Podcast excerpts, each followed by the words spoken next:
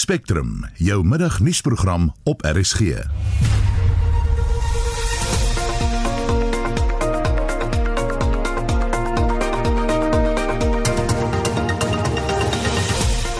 In 'n vermiddagse program die bruto binnelandse produksyfer het met 1,2 persentasiepunte toegeneem in die tweede kwartaal van die jaar. Twee politieke partye oorweeg regstappe teen die verkiesingskommissie oor die heropening van die registrasieproses vir kandidaate.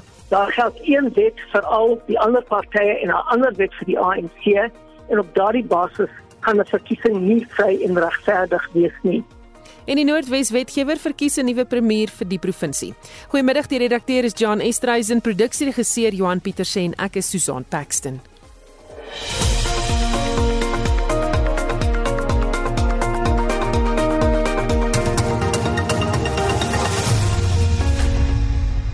Dis is presies 5 minute oor 12 en jy luister na Spectrum. Die ANC president Cyril Ramaphosa sê die regerende party ondersoek die moontlikheid om die maatskaplike noodverligtingstoelaag te verleng. Dit sal gedoen word om die impak wat COVID-19 op werklose en arm Suid-Afrikaners het te verlig. Ramaphosa het die aankondiging gemaak by die ANC nasionale uitvoerende komitee se laaste lekgotla vir die jaar. Is dit die klerk doen verslag? Die ANC kon nie kandidaate registreer in 93 munisipaliteite voordat die verkiesingskommissie se sperdatum verstryk het nie. Die OFK se heropening van die kandidaatelys is deur Ramaphosa as 'n grondwetlike bepaling bestempel. We agree with the IEC that there is an inextricable link between voter registration and the right to stand for public office. Section 19.3 of our Constitution provides that every adult citizen has the right to vote in elections for any legislative body established in terms of the Constitution and also to stand for public office and, if elected, to hold office. The ANC therefore further welcomes the decision to reopen open candidate registration on 20th and 21 September. We believe this is in line with constitutional and legislative prescripts. Die ekonomie en talle menselewens is deur die impak van die koronaviruspandemie geraak.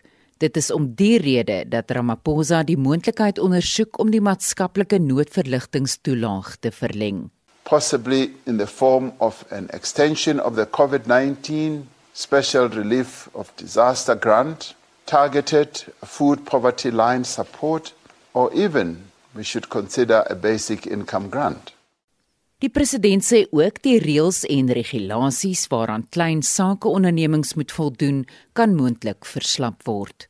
Currently, many players in the small medium enterprise sector complained that they are strangled, they are debilitated by the burden of regulations, of a whole number of permitting system and a whole number of fees that need to be paid.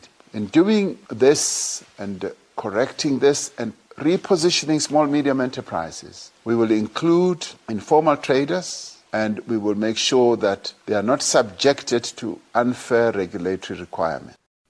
Ramaphosa het die vrylating van Jacob Zuma op mediese parol verwelkom. We've heard that he is not well and we'd like to wish him quick recovery as he is restored back to his home to be with his loved ones.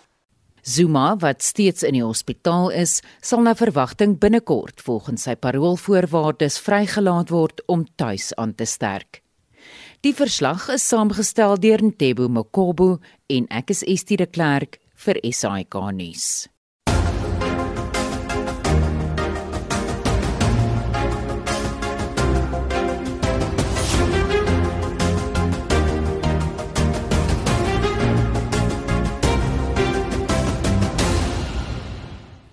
Verskeie politieke partye het skerp kritiek teen die verkiesingskommissie gelewer na gister se aankondiging dat die ANC en ander partye weer kans gaan kry om hul kandidaate in 93 munisipaliteite te registreer. Die konstitusionele hof het verlede week die OFK se aansoek om die plaaslike regeringsverkiesing tot volgende jaar in Februarie uit te stel van die hand gewys, maar Lenay Forsie berig politieke partye bevraagteken al klaar die geloofwaardigheid van die komende verkiesings. Die IFP-LP Mkuleko Sengwa sê die verkiesingskommissie is partydig. Die party se kandidaate het ook in die verlede spertye vir die registrasie misgeloop, maar is nie toegelaat om lede na die spertyd te registreer nie. Sengwa meen hier word 'n gevaarlike presedent geskep. The IEC has been very rigid previously on timelines, and the ease with which now they have succumbed to the political pressure to change things is in itself an indication of an IEC which is venturing a slippery slope of political bias. The IEC is duty bound to actually uphold you know the integrity of the elections because elections are not an event they're a process the IEC now with this decision is actually compromising itself and compromising the elections Die party beplan om soos die DA regstappe teen die OVK te neem. Die voorsitter van die DA se federale raad, Helen Zille, het die proses vroeër bevraagteken veral weens gerugte dat die konstitusionele hof sy besluit oor die verkiesingsdate vooraf aan die ANC uitgelek het. Die ANC het 'n plan beraam sodra hulle nie die sterdatum gehaal het vir die registrasie van sy kandidaate nie. En nou met die behulp van die uitstel van die verkiesing vir 5 dae en met die behulp van die OVK sien hulle kans om die rooster weer te verander en 'n plan vir die ANC te maak om sy kandidaate te registreer. Dit is heeltemal onregverdig. Daar geld een wet vir al die ander partye en 'n ander wet vir die ANC en op daardie basis kan 'n verkiesing nie vry en regverdig wees nie. Sy sê hulle verwelkom die besluit om die registrasieproses vir kiesers te open, maar dat kandidaate nie grasie moet kry nie omdat daar geen twyfel was oor die sperdatum vir registrasie nie. Soos die IFP sê die DA, die OVK maak 'n uitsondering vir die regerende party omdat hulle nou 'n geleentheid kry wat ander partye nooit in die verlede gehad het nie. Die leier van die VF+, Dr Pieter Groenewald, sê ook hulle is nie ten gunste van die tweede kans wat die ANC nou gegee word nie. Hoe graag ons ook al sou wou sien dat die ANC nie daardie geleentheid kry nie, moet ons objektief en rasioneel na die aangeleentheid kyk. Die feit is die Grondwet Hof het die vorige proklamasie van die verkiesing as ongrondwettig verklaar en die vraag ontstaan indien 'n persoon nou wel registreer en hy of sy wil 'n kandidaat in die verkiesing wees wat 'n grondwetlike reg is, hoe gaan jy so 'n persoon dan verbied om as kandidaat te registreer? Daarom sal ons wag om te kyk wat is die uitslaa van die hofgedinge van ander partye en rolspelers wat die saak na die hof wil neem. Maar ons is van mening dat die lyste wel weer kan heropen vir registrasie uit die perspektief van die feit dat die aanvanklike proklamasie wel ongrondwettig verklaar is. Die leier van One South Africa, Musi Maimane, sê tussen Suid-Afrikaners moet die OVK soos een man aanspreeklik hou. When you want to undermine the principle of free and fair elections, it's when you start to change rules. I think that as the people of South Africa, we cannot simply sit here and say if there were political parties that mismanage their own processes, that we should simply sit by and allow them to have a timetable adjusted. So if you start to adjust the timetable in this manner, not only do you undermine the process that you've already set in place, but you stop citizens having the confidence to believe that elections are actually working in a free and fair manner. Die EFF se Marshall Dlamini sê die party gaan die saak verder voer op voedselvlak. Ourselves went there. Our request was that the timetable must be amended. But it, uh, the Constitutional Court then it, it rejected us, rejected our submission then. So our understanding was that on that rejection, the IEC can amend. That's why there's nothing else we can do except uh, to go to the ground. Ours is to rebuild this country and remove those that we think they are clowning with these institutions and make sure that we bring the integrity of those institutions to get, uh, back to where they're supposed to be rather than destroying them outright. Die verkiesingskommissie moet nog sy nuwe rooster publiseer nadat die minister van samewerkende regering en tradisionele sake, Nkosazana Dlamini Zuma, die verkiesingsdatum geproklaameer het. Die verslag deur Zoleka Klodashe in Johannesburg, Marlene Forsie, SAK nuus.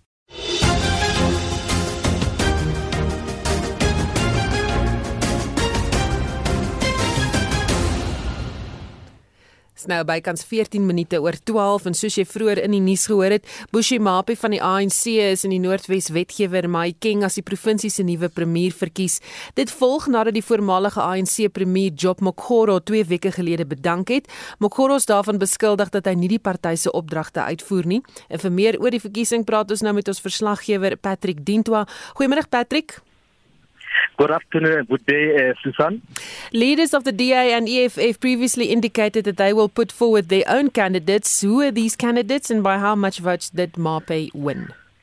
Indeed, uh, Susan, uh, both uh, opposition parties, EFF and the uh, ANC, initially indica- I mean, and the DA indicated that they are going to field in uh, their candidates because they believe uh, Bushimape was not the correct candidate to be elected. But however, uh, just an hour before the actual uh, ceremony or the actual uh, uh, elections were held. We have seen now the economic freedom fighters members, uh, you know, uh, saying uh, they are not going to participate uh, because they were citing uh, issues like they don't want to be part of uh, the chop and change of the ANC in the northwest. So as a result, uh, the DA was the only uh, party that now uh, fielded their candidate, and uh, the DA was supported by Freedom Front Plus. But however, after the uh, elections were held, we have seen the ANC winning with 21 uh, uh, votes. Uh, all the ANC members uh, voted uh, for Bushimape against five of opposition parties. Remember, in the provincial legislature, about 33 members are in the provincial legislature. Uh, 12 are opposition parties, while the remaining is the ANC. We have seen out of 33, uh, four being absent today, and then the three abstained. Those are the EFF, and then uh, all members uh, that voted uh, were 26. So it means uh, 21 uh, voted for the uh, for for MAPE, which is the ANC, and five opposition party members voted for Winston Rabutapi, who was nominated by the DA. He's a DA caucus chairperson in the legislature. Patrick, why was the voting done through the process of a secret ballot? Remember, according to procedure, uh, what the legislature said is that uh, because uh, uh, there were two nominations, uh, Mate was nominated by the ANC uh, chief whip, and then the opposition also nominated their own. So because there was one uh, uh, more than one uh, nomination, so that's why uh, it was then uh, decided to uh, be the, the vote was was conducted through a secret ballot. What are the challenges that the new premier of the Northwest will have to face? Well, there are a number of uh, challenges in the province. Uh, there's, there's obviously problems of service delivery. We know of municipalities. Uh, there's, there's, there's a report, standing report about municipalities not performing well. Uh, we know out of uh, uh, 21 municipalities that the AG says, they, they, they, they, according to Editor General's report, they are in the red. We also know that some of people, there's a problem of water in, in, in, in the northwest municipalities. We take, for example, the Sobota, Rato, in Setlahole, uh, also in, in, in, in Brett, in the Madibe municipality. Those are the challenges that uh, uh, uh, Martin will be facing. He has also admitted during his acceptance speech that uh, the two things that he's going to uh, focus on is service delivery and job creation, particularly amongst the youth. Uh, and we, as I'm speaking to you now, the ANC is also holding uh, its press conference. It is addressed by its uh, national national NEC member, with the convener here, Obert Batela. He has also alluded to the fact that challenges in the northwest are of water, challenges of unemployment among the youth. Those are the issues that the Mahate is going to face with. Also, the issue of uh, undivided the ANC within the province. The ANC is highly divided, particularly in this legislature. The caucus of the ANC is highly divided. So, what uh, Obed Batela says Mahate must deal with is to ensure that uh, he unites uh, the ANC, particularly in this legislature. Baie dankie. Dit was ons verslaggewer in Noordwes, Patrick Dintwa. Die bruto binnelandse produksyfer het met 1,2 persentasiepunte toegeneem in die tweede kwartaal van die jaar. Statistiek Suid-Afrika het 'n kort ruk gelede die jongste uh, produksyfer bekend gemaak en ons praat nou met Dr Elna Moelman, die hoof van uh, Suid-Afrikaanse makro-ekonomiese navorsing by Standard Bank. Goeiemôre Elna. Goeiemôre. Het jy hierdie syfers verwag? Dit was beter geweest as wat ons verwag het. Ehm um, mens moet dalk nou net hierdie keer by sê dat Statistiek Suid-Afrika natuurlik so 'n paar weke gelede vir ons nuwe historiese BBP data gegee en wat nou vandag 'n bietjie moeilik was rondom hierdie tweede kwartaal syfer is dat toe hulle ons daai historiese uitsending gegee het, hulle nie vir ons eerste kwartaal gesien nie. So ons het nou eintlik vandag nie net nuwe tweede kwartaal data gekry nie, maar ook eerste kwartaal. So dit is nou dink ek deel van die verrassing in vandag se data. Maar mense moet dan nou sê party van die sektore het verskriklik goed gedoen in die tweede kwartaal. So Ons het nog nie by die syfer wat beter is wat ons verwag het en dit was veral die landbousektor en die mynbousektor wat baie goed gedoen het. As ons byvoorbeeld die eerste helfte van hierdie jaar vergelyk met verlede jaar, dan is die mynbousektor in reële terme, soos ons inflasie uitgehaal het, 25% groter en die landbousektor 8% groter. So, so dit was baie beter gewees as wat ons verwag het. Is daar sektore wat swakker gevaar het? In die tweede kwartaal was dit 'n bietjie teleurgesteld geweest. Um, ons het gedink dat die meeste sektore positiewe groei sou wys en en dit was nie die geval nie. Daar was 'n paar wat negatief was. Maar maar ek dink jy moet maar weer eens nou kyk. Ehm um, as jy na die eerste helfte van die jaar kyk, dan was ons eintlik positief verras geweest deur die bank. En die invloed of die impak eerder van die pandemie sover? Ek dink dit baie interessant is as ons nou gaan kyk waar staan ons vandag relatief tot 'n jaar gelede of 2 jaar gelede voor die pandemie. Dan dink ek dit ons het baie beter uitgekom as wat ons verwag het. Met ander woorde, as ek byvoorbeeld na nominale BBP kyk, sê nou al ons nie inflasie uit ons kyk net na die totale waarde van wat geproduseer is in die ekonomie, dan is dit 5.5% groter as wat dit 2 jaar gelede was. Met ander woorde, as ons net so daarna kyk, dan het ons eintlik opgemaak vir wat ons verloor het en ons is 'n bietjie beter af in reële terme. So as ons inflasie uithaal, dan dan is ons 'n bietjie slegter af. So 1.5% en natuurlik wil niemand graag slegter af wees nie. So dit is nog steeds baie negatief, maar mens moet dan sê ons het 'n bietjie beter herstel as wat as wat ons gedink het en ek dink 'n mens moet tot tot baie groot mate sê dat dit 'n internasionale impak is. Ek het nou reeds genoem dat die mynbousektor veral baie goed gedoen het En dit is natuurlik maar 'n kommoditeitsprys wat ons voordeel wat ons trek in die internasionale ekonomie wat herstel. En as jy sake so bekyk, wat voorspel jy vir die res van die jaar? As ons dink ons kan 'n reële groei van van ten minste 4% kry vir hierdie jaar. Dit sal ongelukkig nog steeds beteken dat ons nog nie in reële terme so na inflasie heeltemal herstel het nie. So, so ons sal dit waarskynlik eers teen volgende jaar bereik. So die momentum is erg positief. Um, maar ongelukkig is ons nog so 'n bietjie 'n stapie terug van waar ons was. Baie dankie. Dit was Dr Elna Moelman, die hoof van die Suid-Afrikaanse Makro-ekonomiese Navorsingseenheid by Standard Bank. Die DA wil hê dat die ondersoek na die spreker van die nasionale vergadering, Nosiviwe Mapisa Nkakula oor afpersing hervat moet word. Dit nadat die vletjieblaser wat die saak aanvanklik aan die groot klok gehang het, aangedui het dat hulle wel sal saamwerk met die parlement oor die kwessie. Die vletjieblaser het deur middel van Bantu Olomisa destyds beweer dat Mapisa Nkakula hulle begin afdreig het vir geld nadat hulle 'n weermagkontrak ontvang het terwyl sy die minister van verdediging was. Die parlementêre staande komitee van verdediging het die ondersoek na Mapisa Nkakula laat vaar nadat hulle gevind het die vletjieblaser wou nie saamwerk met die ondersoek nie. Die DA se skadu minister van verdediging, Kobus Maree, sê dit het intussen aan hulle gekom dat die vletjieblaser wel hulle samewerking sal gee. Die DA het aan die voorsitters van die gesamentlike staande komitee oor verdediging geskryf en versoek dat die taakspan hersaamgestel word om beweringe van onbehoorlikheid teen die spreker Mapisa Nkakula te ondersoek. Die komitee se besluit om nie met die ondersoek voort te gaan nie is voortydig en blyk die belangrikheid van die vletjieblaser se verklaring oor die hoof te sien. Dit is kommerwekkend aangesien dit daarop dui dat die spreker haar invloed kon gebruik het om te verhoed dat 'n ondersoek na haar gedrag voortgaan. Dit is ernstige beweringe teen haar en moet in volle ondersoek word. Indien die taakspan versuim om die beweringe deeglik te ondersoek, sal die DA strafregtelike klagte teen die spreker indien. Dit was die Diaskari minister van verdediging Kobus Maree. Die R&B soul-sangeres en liedjie-skrywer Anita Baker van Amerika het uiteindelik die lang stryd oor haar meesterkopie gewen. Baker het getweet dat sy die onmoontlike reg gekry het en dat al haar kinders, soos wat sy na haar albums verwys, huis toe gekom het. Die 63-jarige Baker wat in haar loopbaan 8 Grammy-toekenninge ontvang het, sê sy is innig dankbaar. Ons luister na een van haar grootste treffers, Caught Up in the Rapture.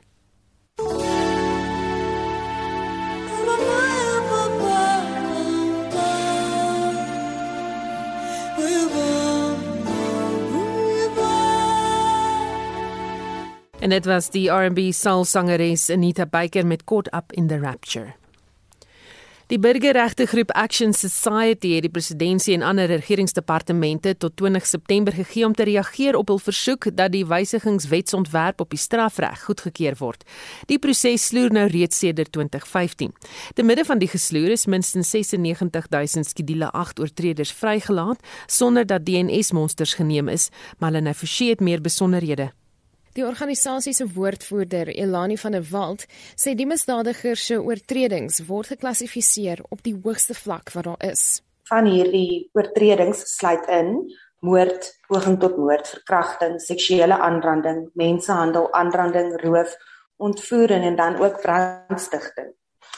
Die feit dat daar sedert 2016 reeds 96875 misdadigers vrygelaat is sonder dat daar 'n DNS monster van hulle geneem is, is vir ons verskriklik kommerwekkend want dit beteken dat hierdie misdadigers wanneer hulle weer gaan oortree, daar niks is om hulle te koppel aan vorige sake, aan koue sake, aan toekomstige sake nie en dit maak dit ook baie moeilik om swaarder vonnisse te kry om te sorg dat hulle agter tralies bly waar hulle hoort.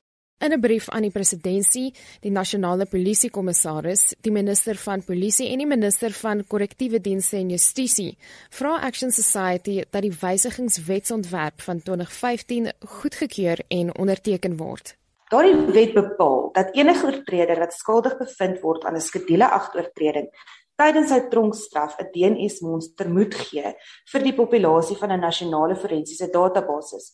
Hierdie wetgewing sloer al sedert 2015 op daai stadium het hulle die stelsels in plek gehad om te doen nie, maar sedertdien is hierdie wet nog steeds nie goedgekeur deur die president nie. Dit beteken dat hierdie 100 000 amper 100 000 misdadigers vrygelaat is. Nie een van die relevante partye het al bevestig dat die brief ontvang is nie, maar dit tog kans tot die 20ste September. Indien die regering nie ag gee op ons versoek nie, gaan ons met ons prokureurs voortgaan en ons gaan Hooggeregshof toe gaan om 'n interdik te kry dat hulle geforseer word om hierdie wet dadelik in werking te stel en ons tweede stap sal ook wees om na die konstitusionele hof toe te gaan want hierdie is besig om 'n 'n skending van ons konstitusionele regte en ons menseregte in Suid-Afrika te word. Volgens die organisasie kan 'n verdere gesloer nie meer geduld word nie die staat is net besig om te praat. Hulle stig komitees, maar hulle doen niks daadwerklik aan die probleem wat ons ondervind wat die DNA monsters van gevangenes en dan ook die DNA agterstand aanbetref nie.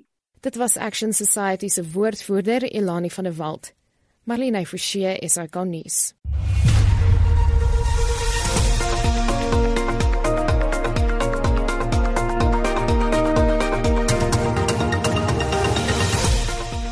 In die NCDA versoek dat die ondersoek na die spreker van die nasionale vergadering oor afpersing moet voortgaan. Sanparks wil 'n nuwe nasionale park in die Oos-Kaap vestig. So it's really going to be a national park with a difference which will be working with people in the landscape, keeping people in the landscape, doing agricultural activities and that will continue happening. En die Wêreld Natuurlewe Fonds sê die ware koste van besoedeling is groter as die totale bruto binnelandse produksyfer van Indië, bly ingeskakel.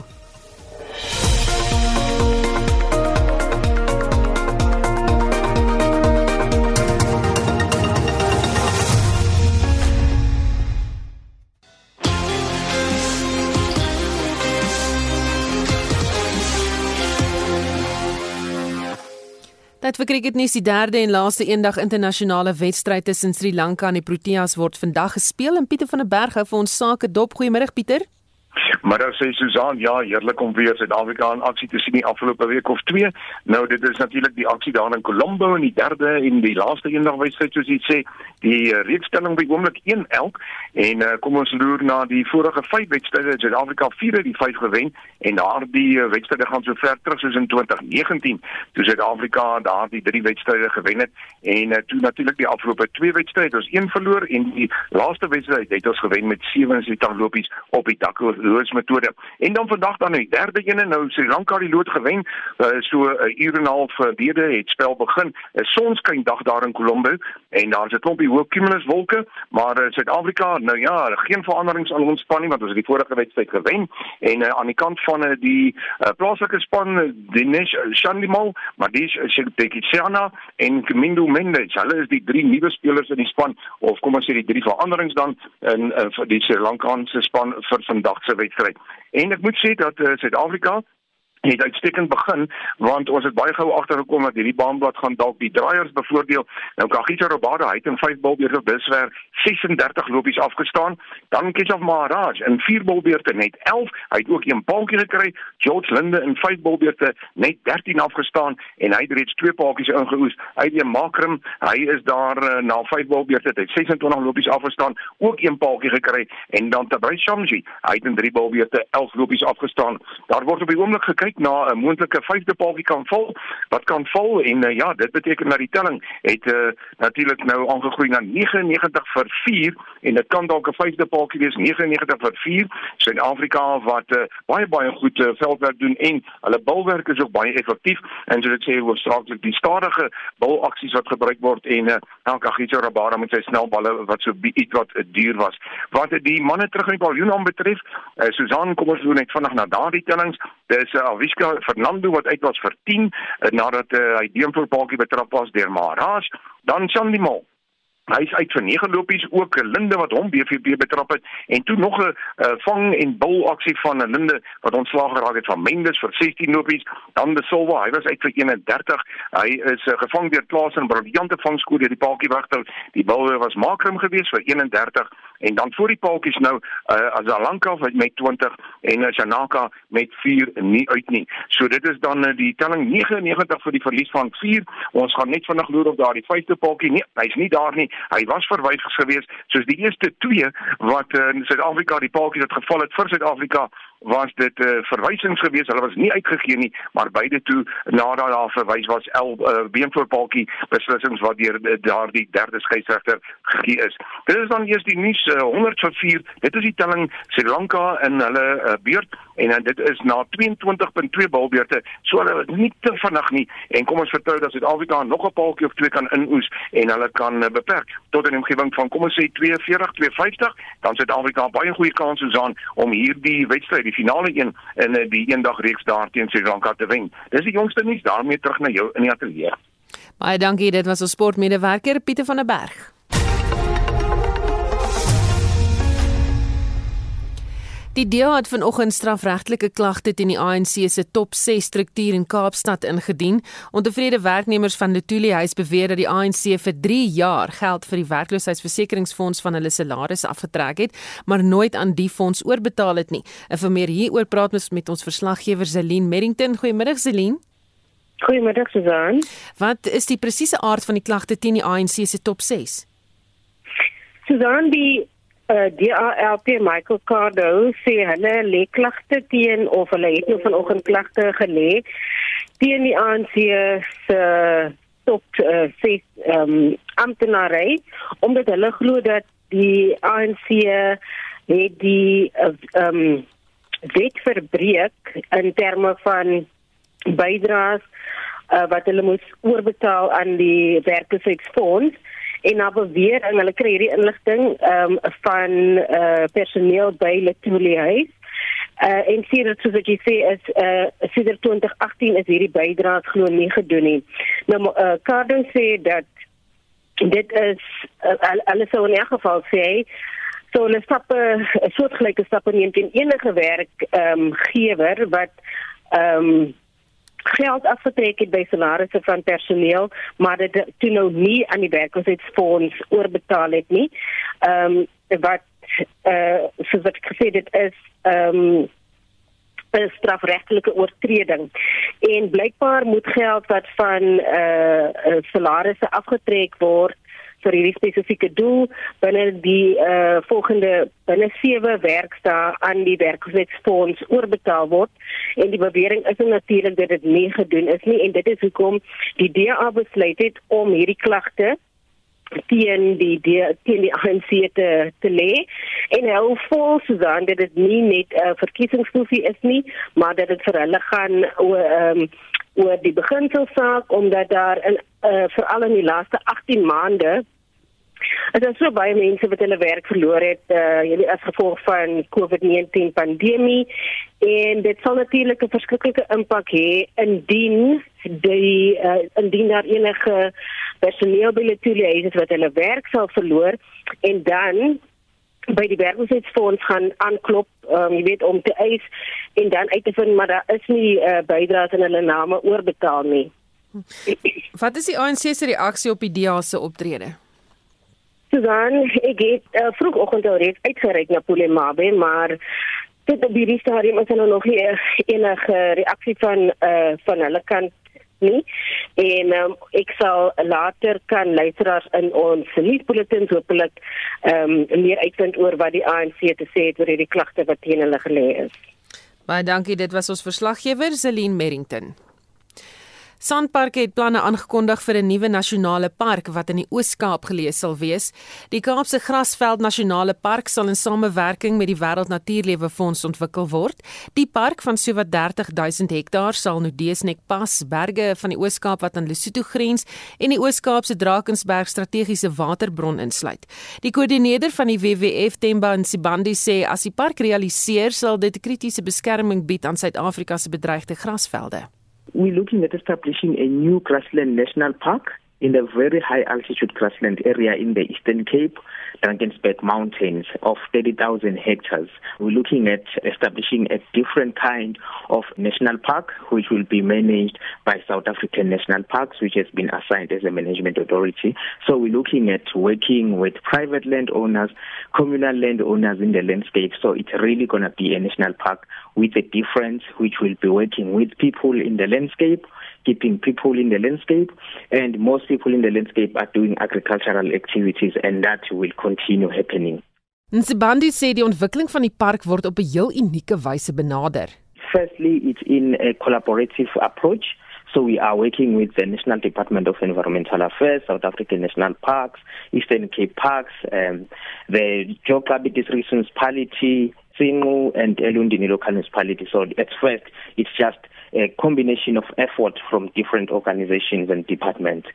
So we are looking at establishing contractual management, contractual agreements with the private landowners and also communal landowners. So in this way, the landowners will be able to participate in the project or to form part of the national park. Nsibandi sê die park sal ook watersekuriteit verseker. These areas are very much important in terms of our livelihood and water provision. In the entire country, they cover just only 10%, but they deliver back to us about more than 50% of water, which provides for more than half of the South African population.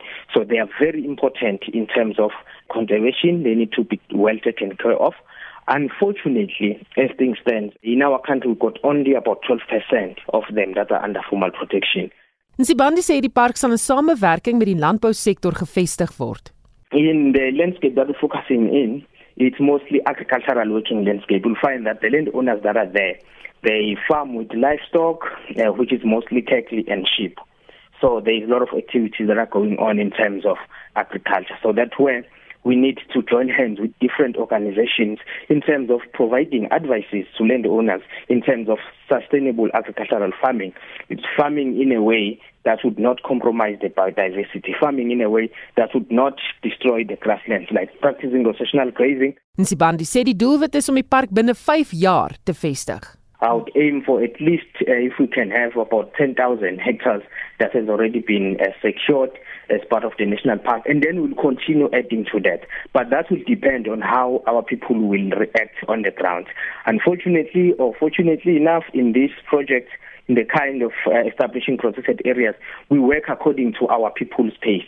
We don't want to put pressure on our people. We want to make sure that they understand the process and then they, they can see what the value of it is and then we'll move with the pace. En uh, dit was die koördineerder van die WWF, Temba Nsibandi. Sanparke het nasionale parke week wat tradisioneel in September plaasvind uitgestel na November.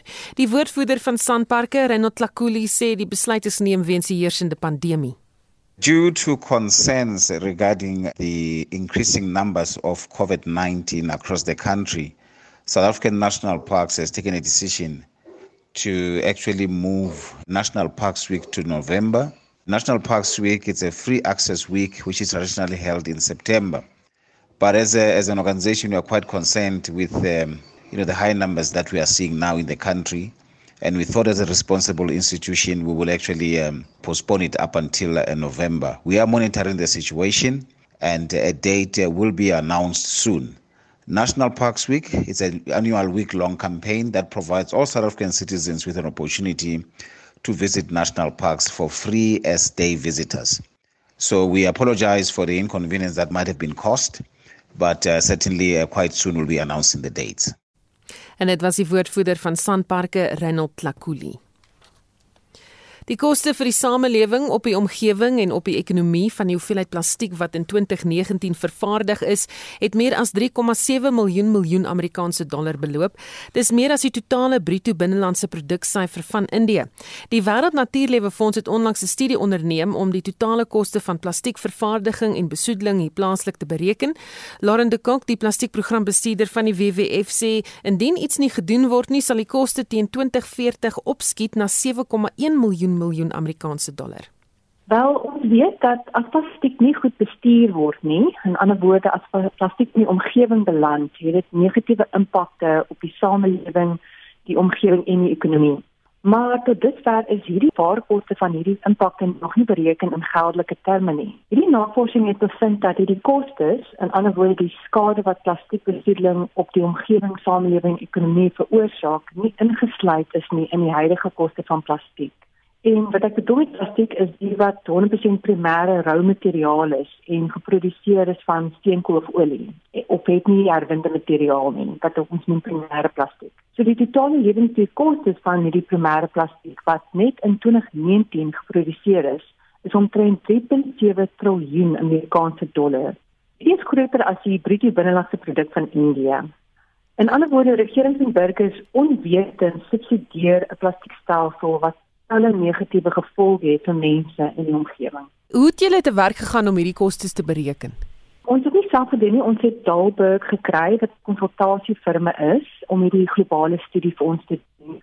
Uh die metodologie het kyk na die markkoste eers van primêre plastiek per ton wat geproduseer is en ons weet dat plastiek die grootste materiaal is op oomblik. Maar dit het ook gekyk na die lewenstydskoste per ton vir die samelewing. Hulle noem dit societal life cycle cost van plas, primêre plastiek. Nou hierdie societal life cycle cost sluit in drie faktore.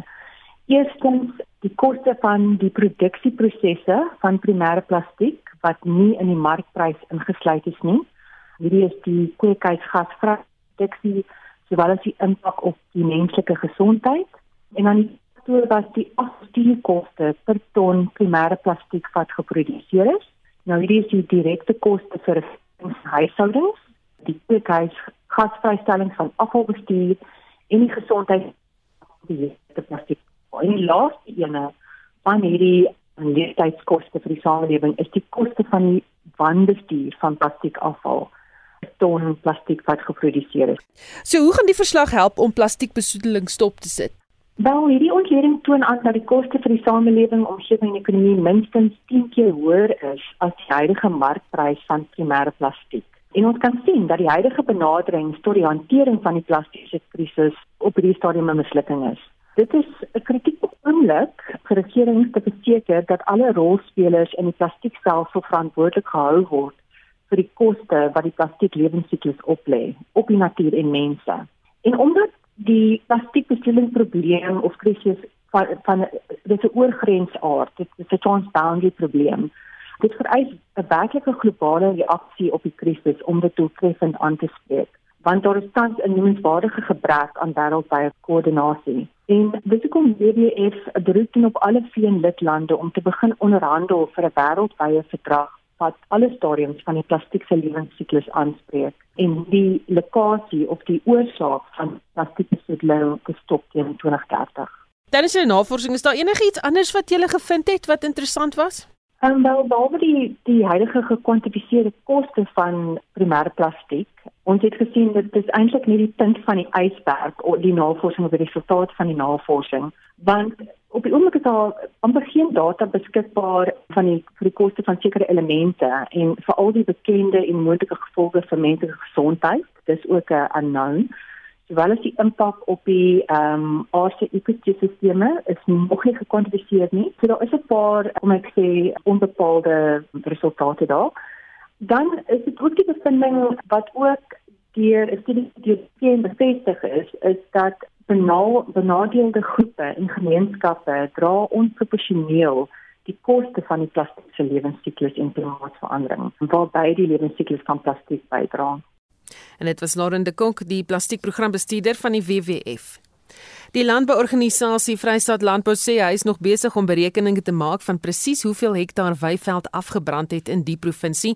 Dr Jack Armer, die kommersiële bestuurder van Vrystaat Landbou sê die brande die afgelope naweek wat gedeeltes van die Aldam Park in pyn gelê het, is een van 115 brande sedert die brandseisoen daar begin het. Nee, gelukkig het um, al die brande onder beheer gekom. Um, die Sambreel organisasie saam met die Woodman Fire Span het die brande onder beheer gekry middag al. En hoeveel skade weet julle al? Ons is nog besig om die skadebepaling te doen. So ons hoor nou hier en daar stories en goed van vreeslike skade wat boere gelei het. Die groot brand was eintlik die Ventersburg brand wat eintlik van ehm um, alipad van Welkom uh, die suid van Ventersburg af van die Willem Pretoria se uh, natuurreservaat. Ek dink hy Welkom se kant begin en hy kennis in Willem Pretoria se kant toe gewaai en en daar daarmee hy al vasgebrand. Maar um, baie groot verliese daar, daai Daai brand is 25000 hektare. Ek sien die satellietbeelde is al uit, maar ons moet nog nie die uh, presiese hektare uh, bepaal. Dis um, gisterens vir daai goed vir ons bepaal. Hierdie is al die hoeveelste brand sedert die begin van die jaar. Ja, dis die onderste brand van die begin van die jaar. Ek dink daar's 115 brande al van die begin van hierdie seisoen. Ek gaan nou nog 'n skadeberekening doen en dan kyk wat word benodig. Ons weet daar was kleiner brande, maar ook ook groot oppervlakte by Glen was daar so 3000 hektaar wat gebrand het en by die Wetsdorp um, so 8 tot 10000 hektaar wat gebrand het. By een van die boere daar by die Wetsdorp het al sy weiding verloor. 400 van sy oeye gebrand. Jy die fotos is is haaglik van hy skape wat so op 'n wandjie op mekaar gepak is wat dood gebrand het. Dis regtig 'n groot verlies vir daai boer. Yes, en dan nog 'n brand by ehm um, Deppener. Is dit nou maar weerstoestande of nalatigheid, jy weet seker nog nie. Van die brande het op die meengronde begin. So dis maar ook maar nalatigheid en goed. Nee, maar nie doelbewus ek dink wat speel en daai tipe goed. Daar is verslag van mense en nalatigheid, mense wat met swysmasjiene op uh, Engel Island goed met vonk werk in die droë wind toestande wat uiters gevaarlik is. Die Suid-Afrikaanse Weerdienst en Kruisek Landbou en die Sambreel Vereniging het veldbrand waarskuwings uitgestuur toe ons nou sien die weer gaan ideale toestande wees vir weghol veldbrande. Toe ons stuur daai boodskappe uit, maar um, die algemene publiek kry dalk nie daai boodskappe nie. Ek dink die radio en die media moet dalk um, ook 'n bietjie meer daai voorkoming boodskappe uitsaai dat die algemene publiek ook van die gevaarlike weerstoestande hoor as die winde wat vir van uh, sterk is en droë toestande en baie en al die baie gras wat op die veld is na die twee goeie seisoene um, maak dat dit maar ideale toestande is vir regol veldbrande. Dit was Dr Jack Armer, die kommersiële bestuurder van Vrystaat Landbou. Die sake nuus word aangebied deur uh, Franske Neitler, 'n welvaartbestuurder by PSG Wealth Pretoria Oos. Goeiemôre Franske. Goeiemôre Susan. Op valutamarkte verhandel die rand gemeng op R14.34 teenoor die dollar, R17 teenoor die euro en R19.70 teenoor die pond. As ons kyk na kommoditeite, staan die goudprys tans op 1811 dollar per fyn ons, die platinumprys op 1006 dollar per ons en die olieprys staan op 72.2 dollar per vat. Op internasionale fronte het markte in Asië hoër gesluit vanoggend. Markte in Amerika was gesluit vir Arbeidsdag op 6 September, maar word verwag om vandag naby aan algehele hoogtepunte te verhandel. In Europa daal die FTSE 100 met 0.3%, die Franse CAC 40 met 0.03% en die Duitse DAX verhandel ook 0.3% laer. Op die plaaslike front verhandel die JSE algehele indeks 0.4% hoër op 66539 punte. Aandele van Shoprite verhandel so wat 1.3% hoër nadat die maatskappy vanoggend 'n goeie stel resultate bekend gemaak het. Omset vir die groep het gestyg met 8.1% tot 'n algehele hoogtepunt van 168 miljard rand vir die 53 weke geëindig 4 Julie. 'n Finale dividend van R3.53 is ook verklaar deur die groep. Op die ekonomiese front het Eskom se BBP syfers die tweede kwartaal gegroei met 1.2% op 'n kwartaal tot kwartaal basis. Landbou se bydrae tot die groei syfer 6.2% vir die kwartaal en verteenwoordig die sterkste groei vir die sektor tot dusver die jaar. Dis al van my kant af. daarmee groet ek julle tot ons weer gesels. Baie dankie. Dit was Franske Neitler, welvaartbestuurder by PSG Wealth Pretoria Oos. Die adjunksekretaris-generaal van die ANC, Jesse Duarte, het 'n rukkie gelede die media toegespreek na afloop van 'n lekgotla van die party se nasionale uitvoerende komitee. Duarte het oor verskeie kwessies terugvoer gegee, waaronder die komende plaaslike regeringsverkiesing, armoede en stygende werkloosheid in die land. We are looking to extending further support to the unemployed and those who are structurally marginalized, possibly in the extension of the COVID 19 grant, targeted food poverty line support, or a basic income grant. En dit was die ANC se adjunksekretaris-generaal Jessie Duarte en vir meer oor die storie skakel môreoggend in op Monitor. En Estie hou vir ons ontwikkelende nuusstories dop. Estie? Susan verskeie politieke partye het skerp kritiek gelewer teen die verkiesingskommissie na die aankondiging dat politieke partye weer kandidaate vir die plaaslike regeringsverkiesing mag registreer.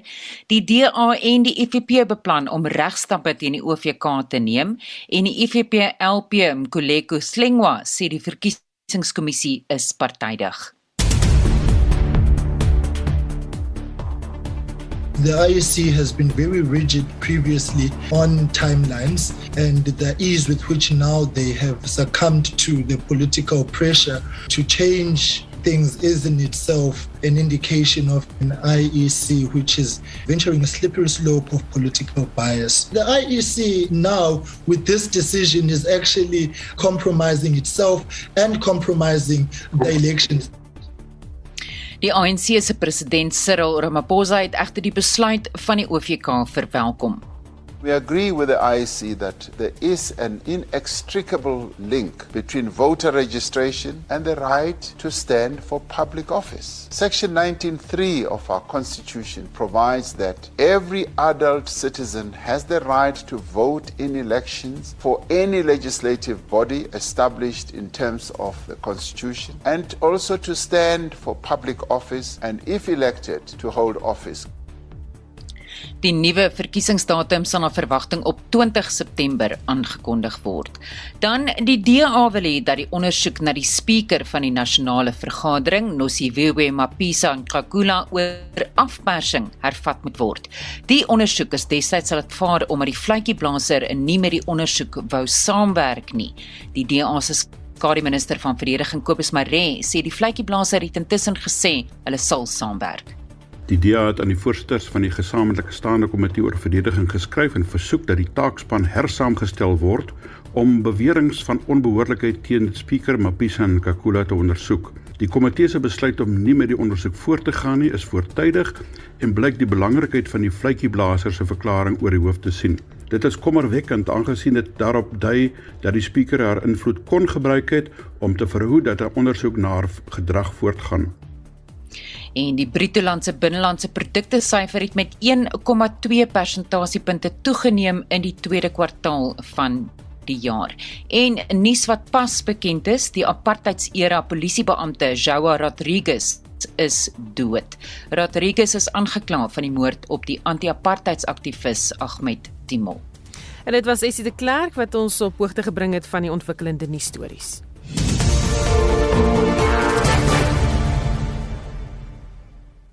In 360 net hierna praat die span oor die uitbranding wat mediese personeel tans beleef. Dit behoort 'n baie interessante gesprek te wees.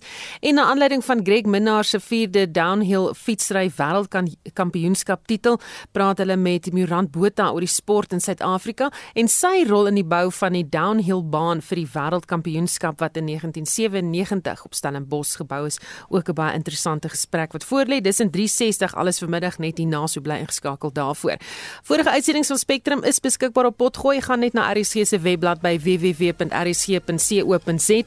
Ons groet namens ons uitvoerende regisseur Nicoline de Wet, die redakteur John Estreisen en produksieregisseur Johan Pieterse. Ek is Susan Paxton. Geniet jou middag.